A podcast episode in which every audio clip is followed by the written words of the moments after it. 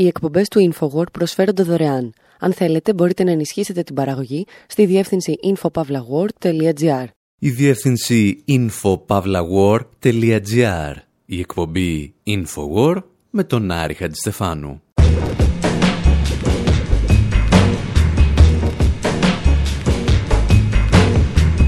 όπου σήμερα υποστηρίζουμε ότι στην ιστορία της ανθρωπότητας δεν έχει σημειωθεί ούτε μία φυσική καταστροφή. Ήταν όλα πολιτικά γεγονότα. Αναρωτιόμαστε αν ένας τυφώνας ή μια καταιγίδα μπορεί να είναι ρατσιστής ή ελαφρώς σνόμπ με τους φτωχούς και αφήνουμε να μας πούν τη γνώμη τους για το θέμα η R.E.M., ο Τζόνι Κάς και η Led Zeppelin. Και ύστερα αλλάζουμε θέμα και συζητάμε για γαλοπούλες και μαύρες Παρασκευές. Αναρωτιόμαστε πώς είναι να πεθάνεις γιατί κάποιος ήθελε να αγοράσει μια φτηνή τοστιέρα και αν είναι σωστό να συνεχίζεις τα ψώνια σου πάνω στο άψυχο σώμα ενός υπαλλήλου. Ανακατεύουμε στην ιστορία κάτι Ινδιάνους και μερικούς Ευρωπαίους κονκισταδόρες και βλέπουμε τους τελευταίους να τρώνε τους πρώτους στο τραπέζι των ευχαριστειών.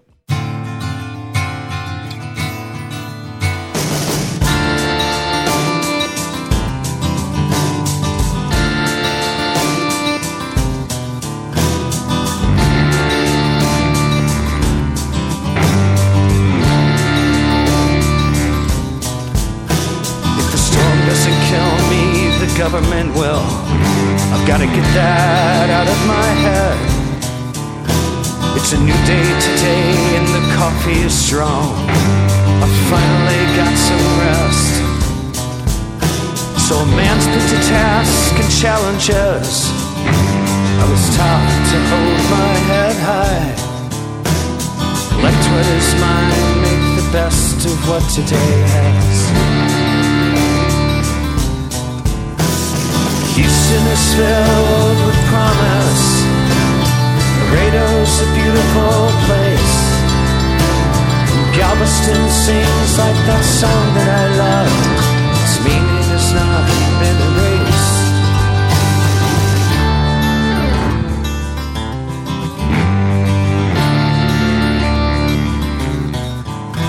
And so there are claims forgiven.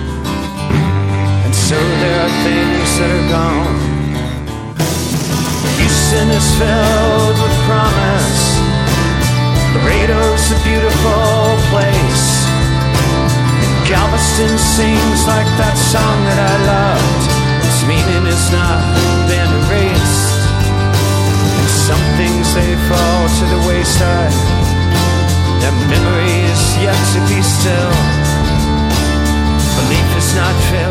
Οι R.E.M. τραγουδούν για τον τυφώνα Κατρίνα στη Νέα Ορλεάνη και οι παλαιότεροι ακροατές θα θυμάστε ότι αυτό το τραγούδι το παίζουμε πάντα όταν βρέχει. Όταν βρέχει πολύ. Και το κάνουμε φυσικά για εκείνο το στίχο που λέει «Εάν δεν με σκοτώσει η καταιγίδα, θα με σκοτώσει η κυβέρνηση». Το συγκεκριμένο τραγούδι θα μπορούσε να αποτελεί τον άτυπο ύμνο ενός διεπιστημονικού τομέα ερευνών που άρχισε να αναπτύσσεται στα μέσα της δεκαετίας του 70 και σήμερα ακούει στο όνομα Critical Disaster Studies, κριτικές μελέτες καταστροφών. Πιο απλά και μάλλον ελαφρώς απλουστευτικά, πριν από μισό αιώνα μαζεύτηκαν κάτι γεωλόγοι, μερικοί μετεωρολόγοι, ανθρωπολόγοι, κοινωνιολόγοι και ιστορικοί και κατέληξαν σε ένα απλό συμπέρασμα δεν υπάρχουν φυσικές καταστροφές. Ποτέ δεν υπήρξαν. Όπως εξηγούσε πριν από μερικά χρόνια ο ιστορικός Jacobs Rims, μια καταστροφή που προκαλείται από ένα καιρικό φαινόμενο ή ένα σεισμό δεν μπορεί να είναι ποτέ φυσική. Είναι πάντα ένα πολιτικό γεγονός. Disaster and disaster relief οι καταστροφές και η αντιμετώπιση τους είναι αναγκαστικά πολιτικές. Σχετίζονται με τη διανομή των ανεπαρκών πόρων και με την εξουσία να αποφασίζεις πώς θα μοιραστούν οι πόροι αυτοί. Είναι λοιπόν αδιαφεσβήτητο ότι η προετοιμασία για την αντιμετώπιση των καταστροφών και η αντιμετώπιση τους θα είναι πολιτικές διαδικασίες.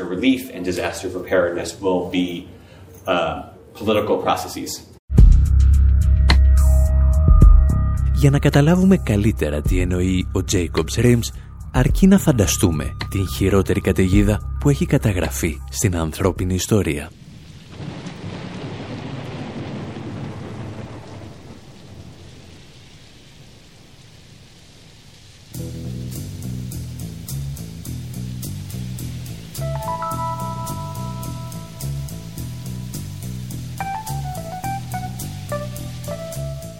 Αν η καταιγίδα της ιστορίας μας σημειωθεί σε μια ερημική, ακατοίκητη περιοχή του πλανήτη, αποτελεί απλώς ένα φυσικό φαινόμενο. Εάν η ίδια καταιγίδα σημειωθεί στο Μανχάταν και πέσει καμιά ταμπέλα, ίσως να μιλήσουμε για υλικές ζημιές που προκλήθηκαν από ακραία καιρικά φαινόμενα. Εάν όμως η ίδια ακριβώς καταιγίδα σκοτώσει 20 ανθρώπους στη Μάνδρα ή 200 σε μια φαβέλα της Βραζιλίας, θα την αποκαλούν όλοι φυσική καταστροφή ή θεομηνία. Και αν είμαστε και τίποτα κυβερνητικοί, θα την πούμε πρωτοφανή φυσική καταστροφή χωρίς ιστορικό προηγούμενο.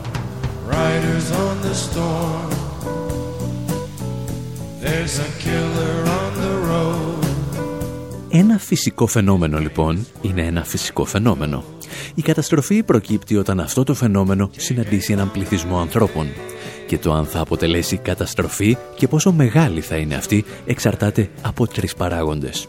Πόσο καλά προετοιμασμένοι ήταν οι άνθρωποι, πόσο έτοιμος ήταν ο κρατικός μηχανισμός να σώσει αυτούς που δεν ήταν καλά προετοιμασμένοι και τρίτον, με ποιο τρόπο θα ανοικοδομηθεί η περιοχή στην οποία σημειώθηκε η καταστροφή. Επειδή όμως η υπόθεση σηκώνει τσιγάρο, σκεφτήκαμε να αναλύσουμε λίγο όλες αυτές τις βαρύγδουπες θεωρίες με μερικά τραγούδια. Και δίνουμε πρώτα το λόγο στον Αμερικανό ράπερ Lil Wayne από τη Νέα Ορλεάνη. to the President of the United States of America. Yeah, y'all might know him as George Bush. But where I'm from, Lost City of New Orleans, we call him this. Georgia. That's right. Georgia. Bush. Georgia. You know who you are. Georgia. Let's go. Georgia. Bush. Georgia. Bush. Georgia. Ever we call you. Gangsta nah, Brazil, nah, this song dedicated to the one with the suit. Thick white skin and his eyes bright blue. So called beef with you know who. Fuck it, he just let him kill all our troops. Look at all the bullshit we been through. Had a nigga sitting on top their roofs. Hurricane Katrina, we should've called it Hurricane. Georgia. Bush. Then they telling y'all lies on the news. The white people smiling like everything cool. But I know people that died in that pool. I know people that died in them schools. Now what is the survivor to do? Got no trailer, you gotta move. Now it's on to Texas into Georgia. They tell you what they want, show you what they want you to see, but they don't let you know what's really going on. Make it look like a lot of stealing going on. Boy, them cops is killers in my home. Nigga shot dead in the middle of the street. I ain't no thief, I'm just trying to eat. Man, fuck the police and President Georgia. So what happened to the levees? Why wasn't they steady? Why wasn't they able to control this? I know some folk that live by the levee that keep on telling me they heard explosions. Same shit happened back in Hurricane Basin 1965. I ain't too young to know this. That was President Johnson, but not his Georgia Bush. We from a town where everybody drowned in, everybody died, but baby, I'm still praying with you. Everybody cried, but ain't nobody tried. There's no doubt on my mind. It was Georgia. Bush. We from a town where everybody drowned in, everybody died, but baby, I'm still praying with you. Everybody crying, but ain't nobody trying. There's no doubt on my mind. It was nah. Ο Lil Wayne αναλύει τα τρία στάδια μιας καταστροφής που μπορεί να επέλθει όταν ένα φυσικό φαινόμενο συναντά έναν πληθυσμό ανθρώπων. Και όπως θα έκαναν και οι επιστήμονες από το χώρο του Critical Disaster Studies, χρησιμοποιεί ως case study τη Νέα Ορλεάνη. Γεννήθηκα, λέει, στην πινέζα του χάρτη και αναφέρεται φυσικά στις συνοικίες της Νέας Ορλεάνης που υπέστησαν τις σημαντικότερες καταστροφές από το πέρασμα του τυφώνα Κατρίνα. Το νερό κατέστρεψε τις πιο φτωχές περιοχές όπου ζούσε ο μαύρος πληθυσμός γιατί δεν μπορούσε να ζει οπουδήποτε αλλού. Τα φράγματα είχαν εγκαταλειφθεί στην τύχη τους, γιατί κανένα στην περιοχή δεν είχε την οικονομική και κοινωνική ισχύ να ζητήσει τη συντήρησή τους. Παρ' όλα αυτά, σε μια καταστροφή συνηθίζουμε να κατηγορούμε πρώτα τους κατοίκους που πήγαν λέει και έχτισαν τα σπίτια τους σε μια επικίνδυνη περιοχή. Λες και αν είχαν την οικονομική δυνατότητα δεν θα τα έχθιζαν σε μια ασφαλή περιοχή. Το να κατηγορήσει έναν φτωχό επειδή ζει σε ένα επικίνδυνο σπίτι, έλεγε πριν από μερικά χρόνια ο Τζέικοπς Ρέμς, είναι σαν να κατηγορείς μια γυναίκα επειδή την κακοποιεί ο σύντροφός της, ενώ αυτή για οικονομικούς και κοινωνικούς λόγους δεν μπορεί να τον εγκαταλείψει.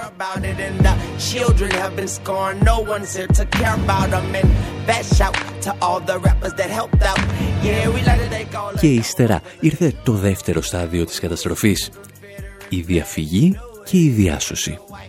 Τα μεσαία στρώματα των πληγέντων στη Νέα Ορλεάνη εγκατέλειψαν έγκαιρα την πόλη με αυτοκίνητα και αεροπλάνα.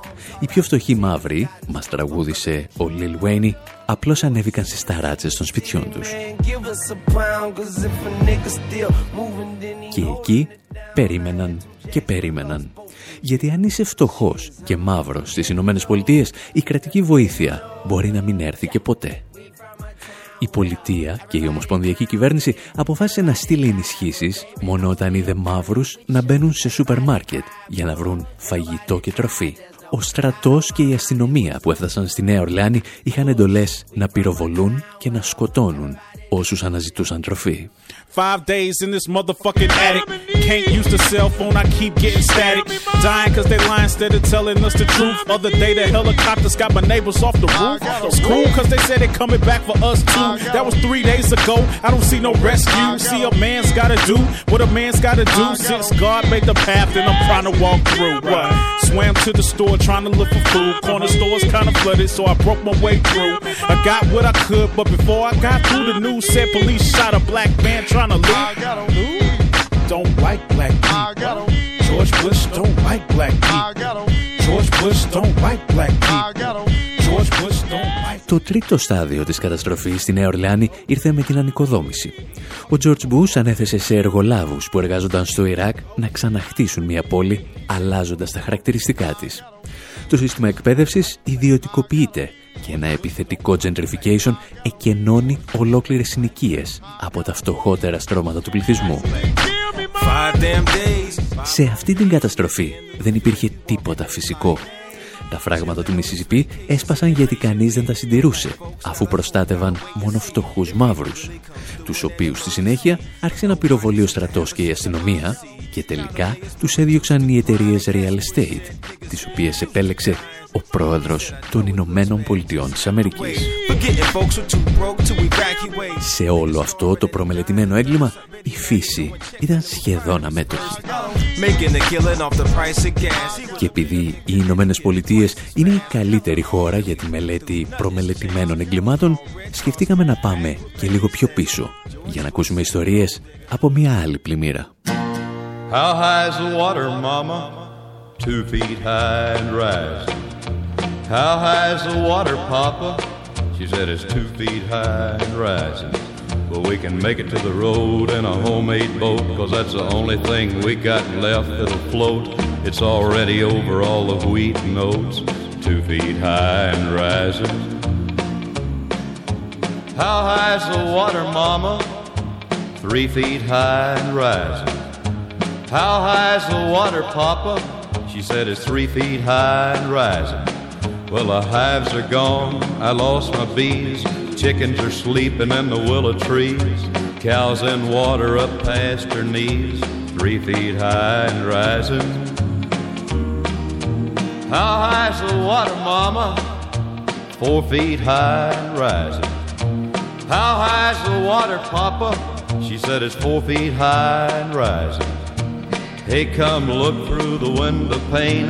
The bus is coming, gonna take us to the train. Looks like we'll be blessed with a little more rain. Four feet high and rising. Ο Τζόνι Κάς τραγουδάει για την υπερχείληση ενός ποταμού που συμπαρασύρει τα πάντα στο πέρασμά του. Ο Κάς θα γεννηθεί το 1932 όταν η χρηματοπιστωτική κρίση της Wall Street και η μεγαλύτερη ύφεση της δεκαετίας του 30 έχουν σμπαραλιάσει τις βεβαιότητες του οικονομικού συστήματος. Σε ηλικία 5 ετών δουλεύει σε βαμβακοκαλλιέργειες από το πρωί μέχρι το βράδυ. Ακούει γκόσπελ ύμνους και τραγουδάει στα χωράφια μαζί με τους απόκληρους του Αμερικανικού ονείρου. Και όταν το 1937 οι πλημμύρες σαρώνουν τα πάντα στις μεσοδυτικές πολιτείες και συγκεκριμένα στο Αρκάνσας, αυτός ρωτά «Μαμά, πόσο ψηλά έχει φτάσει στο νερό» και εκείνη του απαντούσε «1,5 μέτρο και ανεβαίνει». Ο Τζόνι Κάς ξεκινά να διηγείται ιστορίες από τη Μεγάλη Ήφεση, ό,τι κάνει δηλαδή την ίδια εποχή ο συγγραφέας Τζον Στάινμπεκ με τα σταφύλια της οργής και ο Woody Guthrie με τα Dust Bowl Blues, τα blues της κόνης.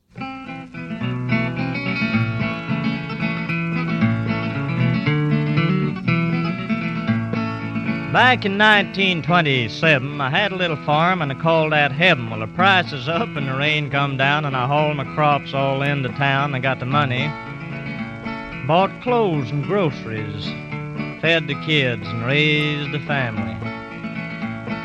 Rain quit and the wind got high and a black old dust storm filled the sky and I swapped my farm for a Ford machine and I poured it full of this gas Eileen and I started rocking and rolling over the mountains out towards the old Peach Bowl.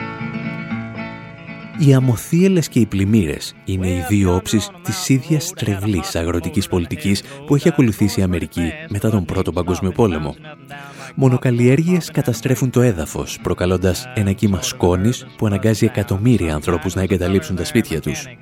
Η πλημμύρα έρχεται σαν φυσικό επακόλουθο του ίδιου φαινομένου και το κράτος δεν έχει πλέον τους πόρους να σώσει τον τοπικό πληθυσμό ή για την ακρίβεια προτιμά να τους διαθέσει αλλού.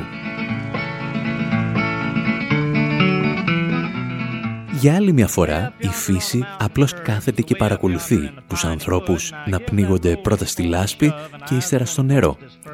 Μόνο τους λάθος ότι επέλεξαν και ανέχτηκαν να ζουν με το λάθος οικονομικό σύστημα. I didn't make it.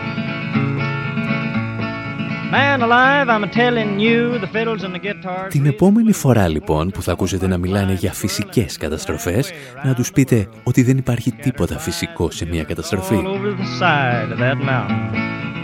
Δεν υπάρχει τίποτα φυσικό στο ότι τα περισσότερα θύματα των καταστροφών σε όλο τον πλανήτη είναι συνήθως φτωχοί και μέλη εθνικών και φιλετικών μειονοτήτων. Ένας τυφώνας ή ένας σεισμός δεν μπορεί να είναι ρατσιστής ή να μισεί τους φτωχούς. Κάποιος άλλος τους μισεί και τους άφησε εκτεθειμένους στη διαδρομή αυτών των φυσικών φαινομένων. Ιστορίες και σκέψεις για τις οποίες μπορείτε να διαβάσετε περισσότερα στο site μας info.pavlawar.gr Θα το κάνετε όμως αργότερα, γιατί τώρα έχουμε ακόμη δουλειά. Ύστερα δηλαδή από το μικρό μας διάλειμμα.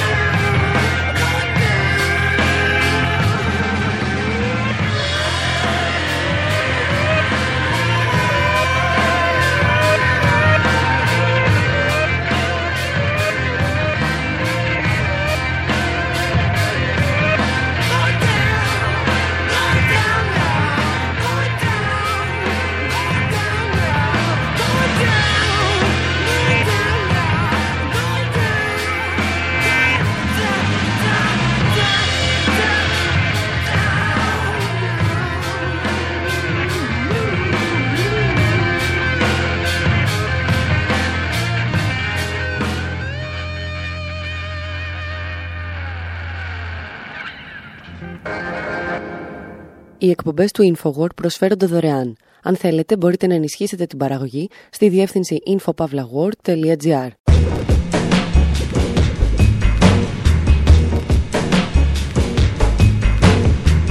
όπου σήμερα σας βάζουμε σε χριστουγεννιάτικο κλίμα.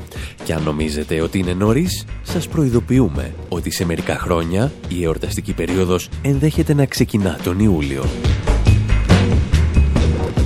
Συζητάμε για μαύρες Παρασκευές που ποδοπατούν την αξιοπρέπεια του καταναλωτή και ενίοτε και ορισμένους υπαλλήλους.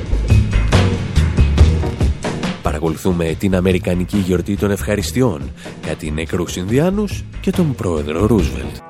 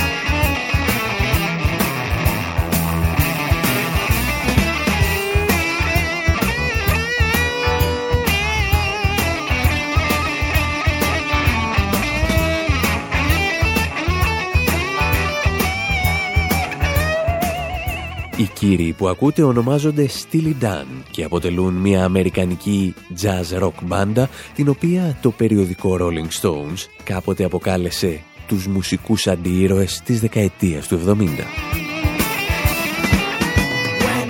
Εδώ πάντως τραγουδούν για μια μαύρη Παρασκευή. Όπου Μαύρη Παρασκευή τις τελευταίες δεκαετίες έχουμε συνηθίσει να αποκαλούμε την ημέρα μετά την Αμερικανική Γιορτή των Ευχαριστειών, όπου τα μεγάλα καταστήματα πραγματοποιούν τις μεγαλύτερες εκπτώσεις, αφήνοντας τους πελάτες να παίζουν βρωμόξυλο για το ποιος θα προλάβει τη φθηνότερη τοστιέρα. Μια ιδέα που τα public αποφάσισαν να φέρουν και στην Ελλάδα. Μέχρι σήμερα, 7 άνθρωποι έχουν βρει φρικτό θάνατο στις Ηνωμένες Πολιτείες σε αυτό το αρχαίγωνο σπορ της κατανάλωσης. Και ο πρώτος νεκρός έπεσε μέσα σε ένα κατάστημα Walmart το 2008 τα αμερικανικά δίκτυα ενημέρωσης διέκοψαν τότε το πρόγραμμά τους για να μεταδώσουν την παρακάτω είδηση.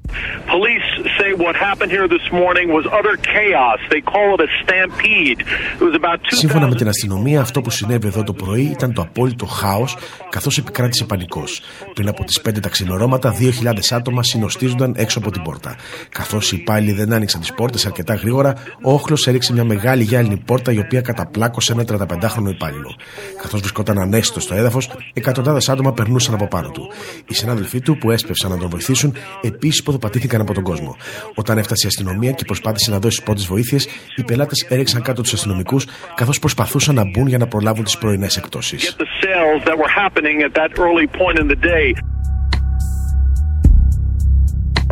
Το άψυχο σώμα ενός υπαλλήλου λοιπόν βρίσκεται για ώρες σε ένα σούπερ μάρκετ χωρίς κανένας να σταματά τα ψώνια του ακόμη και όταν παρεμβαίνει η αστυνομία.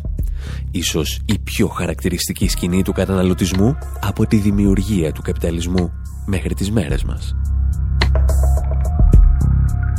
Το πρόβλημα είναι ότι στις Ηνωμένες Πολιτείες, αν δεν σε πατήσουν στο λαιμό οι πελάτες, θα το κάνουν συμβολικά ή όχι οι εργοδότες σου. Τα τελευταία χρόνια τα καταστήματα ανοίγουν όλο και νωρίτερα τις πόρτες τους και δεν τις κλείνουν για μέρες. Αρχικά άνοιγαν στις 7 το πρωί.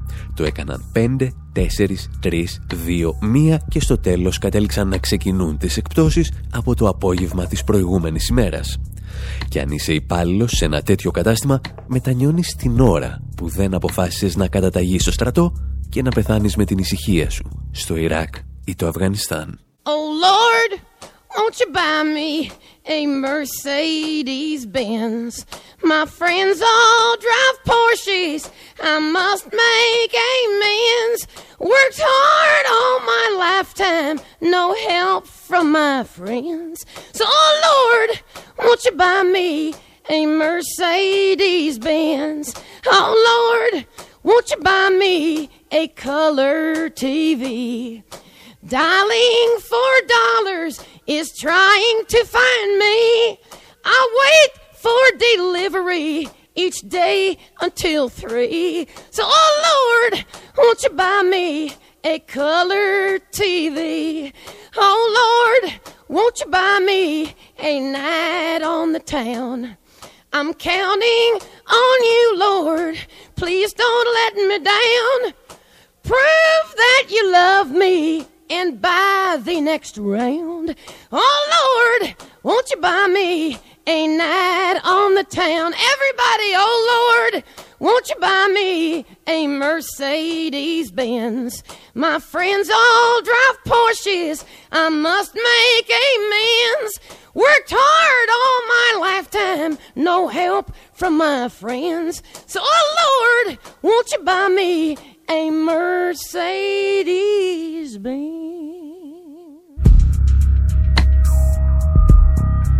Στην εκπομπή Infowars συζητάμε για πελάτες που συμπεριφέρονται σαν ζώα και ιδιοκτήτες καταστημάτων που είναι ζώα. Και έχουμε την εντύπωση πως σε ό,τι αφορά τις Ηνωμένες Πολιτείες, η γιορτή των ευχαριστειών είχε πάντα ορισμένα τέτοια χαρακτηριστικά.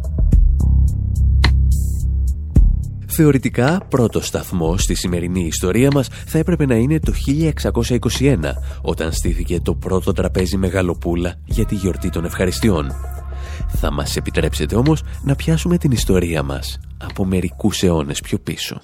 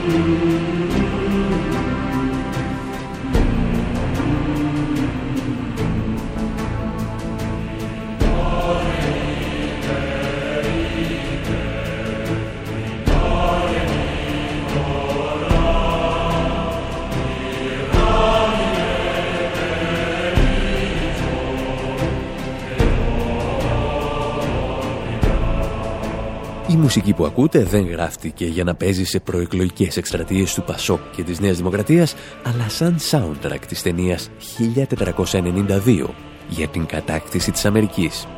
Δηλαδή για τη μεγαλύτερη γενοκτονία που έχει γνωρίσει η ανθρωπότητα. Είμαστε λοιπόν στο 1492, περίπου τέτοιο καιρό, οι ηθαγενείς στις Μπαχάμες βρίσκουν στην παραλία τους έναν κύριο, ο οποίος δεν φαίνεται να έχει καταλάβει που τον έβγαλε το κύμα. Είναι ο Χριστόφορος Κολόμβος και οι ναύτες του. Οι ηθαγενείς τον υποδέχονται προσφέροντάς του δώρα και τρόφιμα. Και αυτός κάθεται το βράδυ στην καμπίνα του και γράφει στο ημερολόγιό του δεν έχουν ανακαλύψει το σίδερο θα γίνουν εκπληκτικοί υπηρέτες. Με 50 άντρες μπορούμε να τους υποτάξουμε και να τους βάλουμε να κάνουν ό,τι τους ζητήσουν. Ήταν η αρχή μιας όχι και τόσο ισότιμης σχέσης. Οι άνδρες του Κολόμβου θα σκοτώσουν τουλάχιστον 100.000 Ινδιάνους μόνο στην Αϊτή.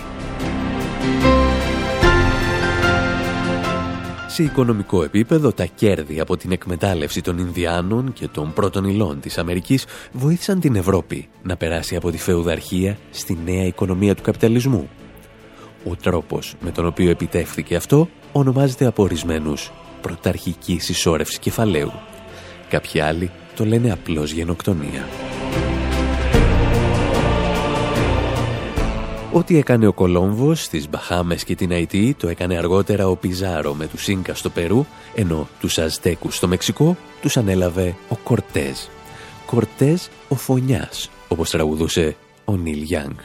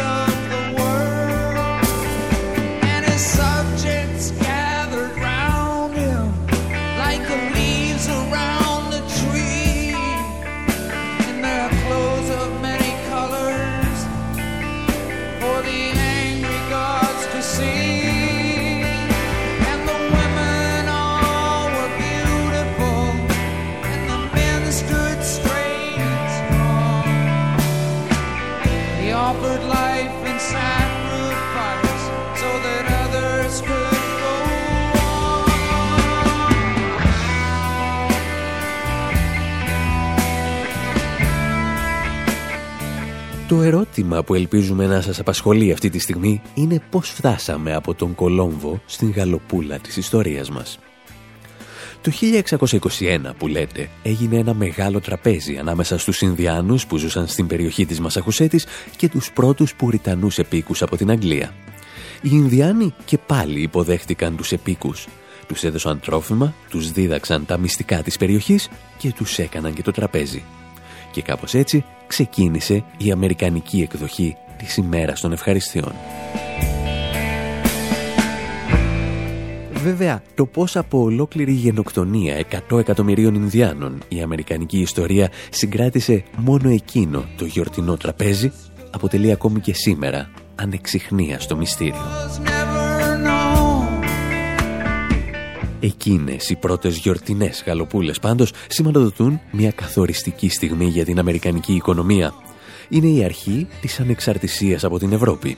Η αρχή μιας περίοδου συνεχούς οικονομικής προόδου που με μερικούς μόνο λόγσιγγες θα φέρει την Αμερική και τη γιορτή των ευχαριστειών στον 20ο αιώνα. Συγκεκριμένα όμως θα την φέρει και στα χρόνια της Μεγάλης Ήφεσης, της δεκαετίας του 30. The measure of that restoration lies in the extent to which we apply social values, more noble than mere monetary profit. Happiness lies not in the mere possession of money. It lies in the joy of achievement. Ο κύριος που ακούτε να ζητά να βάλουμε τον άνθρωπο πάνω από τα κέρδη δεν είναι κάποιος πολέμιος της παγκοσμιοποίησης. Ήταν ο Αμερικανός τότε πρόεδρος Φράγκλιν Ρούσβελτ. Ο Ρούσβελτ παρουσιάζει τη λεγόμενη πολιτική του New Deal, μια προσπάθεια να αναζωογονήσει την οικονομία που αδυνατούσε να συνέλθει από το χρηματιστηριακό κράχ του 1929, κυρίως όμως από τα δομικά της προβλήματα. Ο Ρούσβελτ αναζητά τρόπους να στείλει και πάλι τους καταναλωτές στα καταστήματα. Σε μια στιγμή αδυναμίας μάλιστα προσφεύγει ακόμη και στις γαλοπούλες. Ορίζει ότι η μέρα των ευχαριστειών θα γιορτάζεται νωρίτερα. Πιστεύει έτσι ότι θα καταφέρει να επιμικίνει την εορταστική περίοδο των Χριστουγέννων και να τονώσει την αγορά. Οι εποχές όμως είναι δύσκολες και η πρόορη θυσία της γαλοπούλας δεν φαίνεται να αποδίδει. Είναι η εποχή της μεγάλης φτώχειας Η εποχή που για πρώτη φορά δοκιμάζεται το ίδιο το οικονομικό σύστημα. Είναι η εποχή που ο Bill Cox τραγουδά το NRA Blues.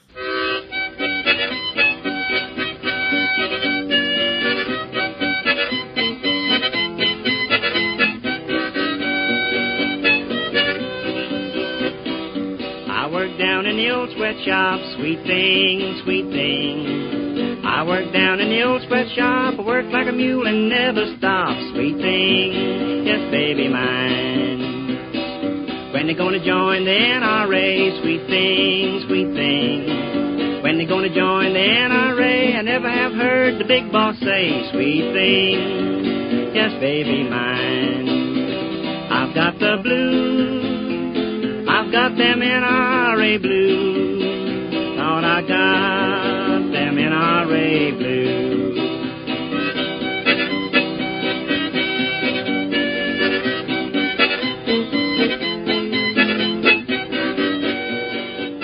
Δουλεύω, λέει, σαν το μουλάρι χωρίς να σταματάω στο παλιό sweatshop. Είναι ίσως η πρώτη φορά που ακούμε σε αμερικανικό τραγούδι τη συγκεκριμένη λέξη, που σήμερα χρησιμοποιείται για να περιγράψει τα εργοστάσια των αναπτυσσόμενων χωρών. Εκεί όπου κάποιοι μισθωτοί σκλάβοι φτιάχνουν τα αθλητικά μας παπούτσια και τα iPhones. Ο ήρωας του τραγουδιού μας πάντως ρωτάει το αφεντικό του πότε θα ενταχθεί στο NRA, δηλαδή την Αρχή Εθνικής Ανάκαμψης. Πρόκειται για ένα από τα πολλά προγράμματα που είχε θέσει σε εφαρμογή ο Ρούσβελτ στο πλαίσιο του New Deal. Το NRA αποτελούσε μια κρατική παρέμβαση που εξασφάλιζε κατώτατους μισθούς, πληρωμή των υπεροριών και ανθρώπινες συνθήκες εργασίας. Όπως ήταν ίσως αναμενόμενο, κρίθηκε αντισυνταγματικό ήδη από το 1935 από το Ανώτατο Δικαστήριο και καταργήθηκε. Σήμερα οι mainstream οικονομολόγοι των Ηνωμένων Πολιτειών θεωρούν το NRA κάτι σαν φασιστική επινόηση. Και το τραγουδάκι που ακούτε δεν παίζεται ποτέ στην αντίπερα όχθη του Ατλαντικού. Εμείς πάλι κάνουμε ένα μικρό διάλειμμα με τους Τσάμπα να εκφράζουν τη δική τους γνώμη για τις μαύρες Παρασκευές και επιστρέφουμε με το αίτημα τα Χριστούγεννα να μην ξεκινάνε τον Ιούλιο αν δεν σας πειράζει.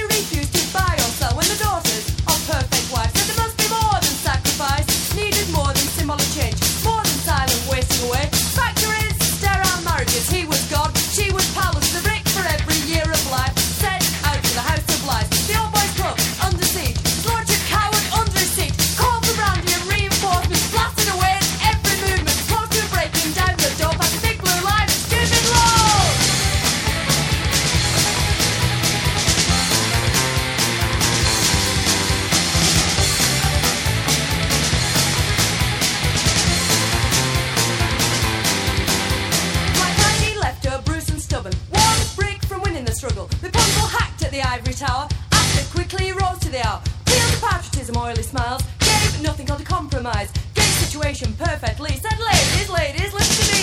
Let's not